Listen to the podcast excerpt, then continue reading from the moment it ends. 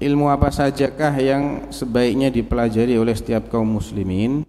Diawali belajar ilmu apa selanjutnya apa dan seterusnya. Dan buku atau kitab apakah yang Ustadz rekomendasikan bagi kami untuk menjadi rujukan? Untuk pemula ada buku yang bagus untuk dipelajari. Uh, udah terjemahan juga. Judulnya cuman saya nggak tahu di pasaran masih cukup banyak nggak tersedia naskahnya. Kita dulu pernah mau pesan udah habis mudah-mudahan sudah cetak lagi ya. Judulnya pokok-pokok ajaran Islam yang wajib diketahui oleh setiap muslim. Sambulnya warnanya kuning. Itu cukup me menyeluruh tapi dasar. Ya artinya untuk pemula itu sangat sangat pas. Pokok-pokok ajaran Islam yang wajib diketahui oleh setiap muslim. Ada masalah akidahnya ada masalah ibadahnya ada masalah muamalahnya ada masalah rumah tangga juga di situ. Eh tentunya kalau ilmu ilmu itu yang paling mulia atau kemuliaan suatu ilmu itu berbanding lurus dengan uh, apa yang dibahas dalam ilmu itu.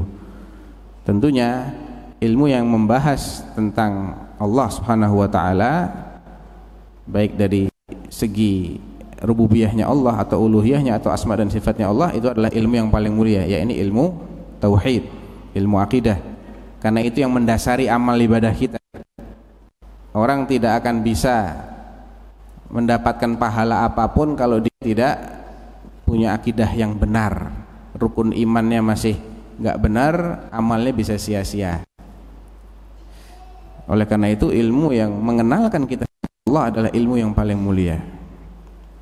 Uh, untuk rujukan kitabnya banyak yang paling sederhana ya, kitab salah satu usul udah diterjemahkan juga atau kitab yang ditulis oleh ulama-ulama salaf juga ada seperti usul sunnah oleh Imam Ahmad Ibn Hanbal.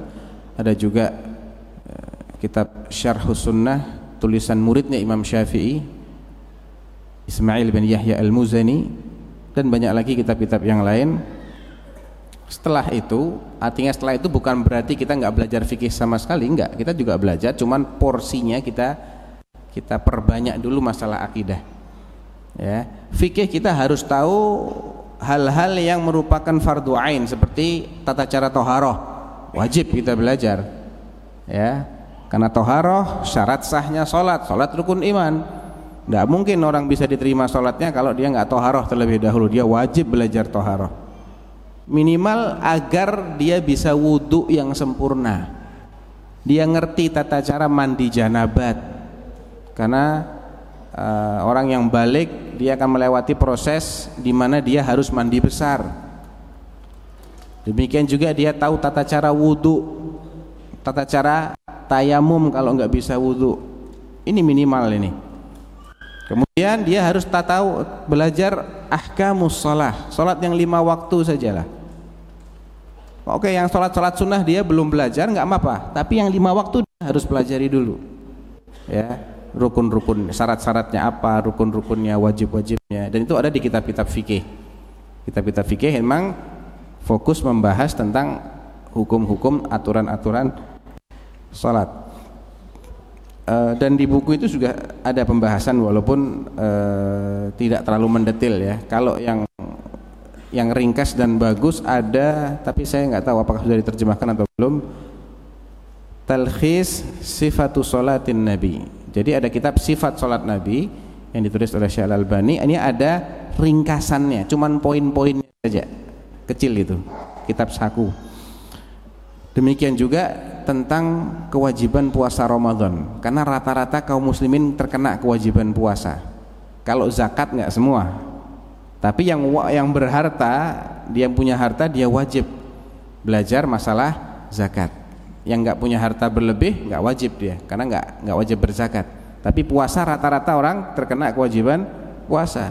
Nah, nanti kalau dia mau haji wajib juga dia belajar tentang manasik haji. Jadi menyesuaikan ilmu fikih itu menyesuaikan. Tapi kalau ilmu akidah ini karena dia basic, dia harus benar dari awal. Ya, minimal dia tahu apa yang dia harus imani apa yang harus dia imani tentang Allah Subhanahu wa taala, tentang malaikatnya, tentang kitab-kitab Allah tentang Rasulullah tentang yaumul qiyamah tentang takdir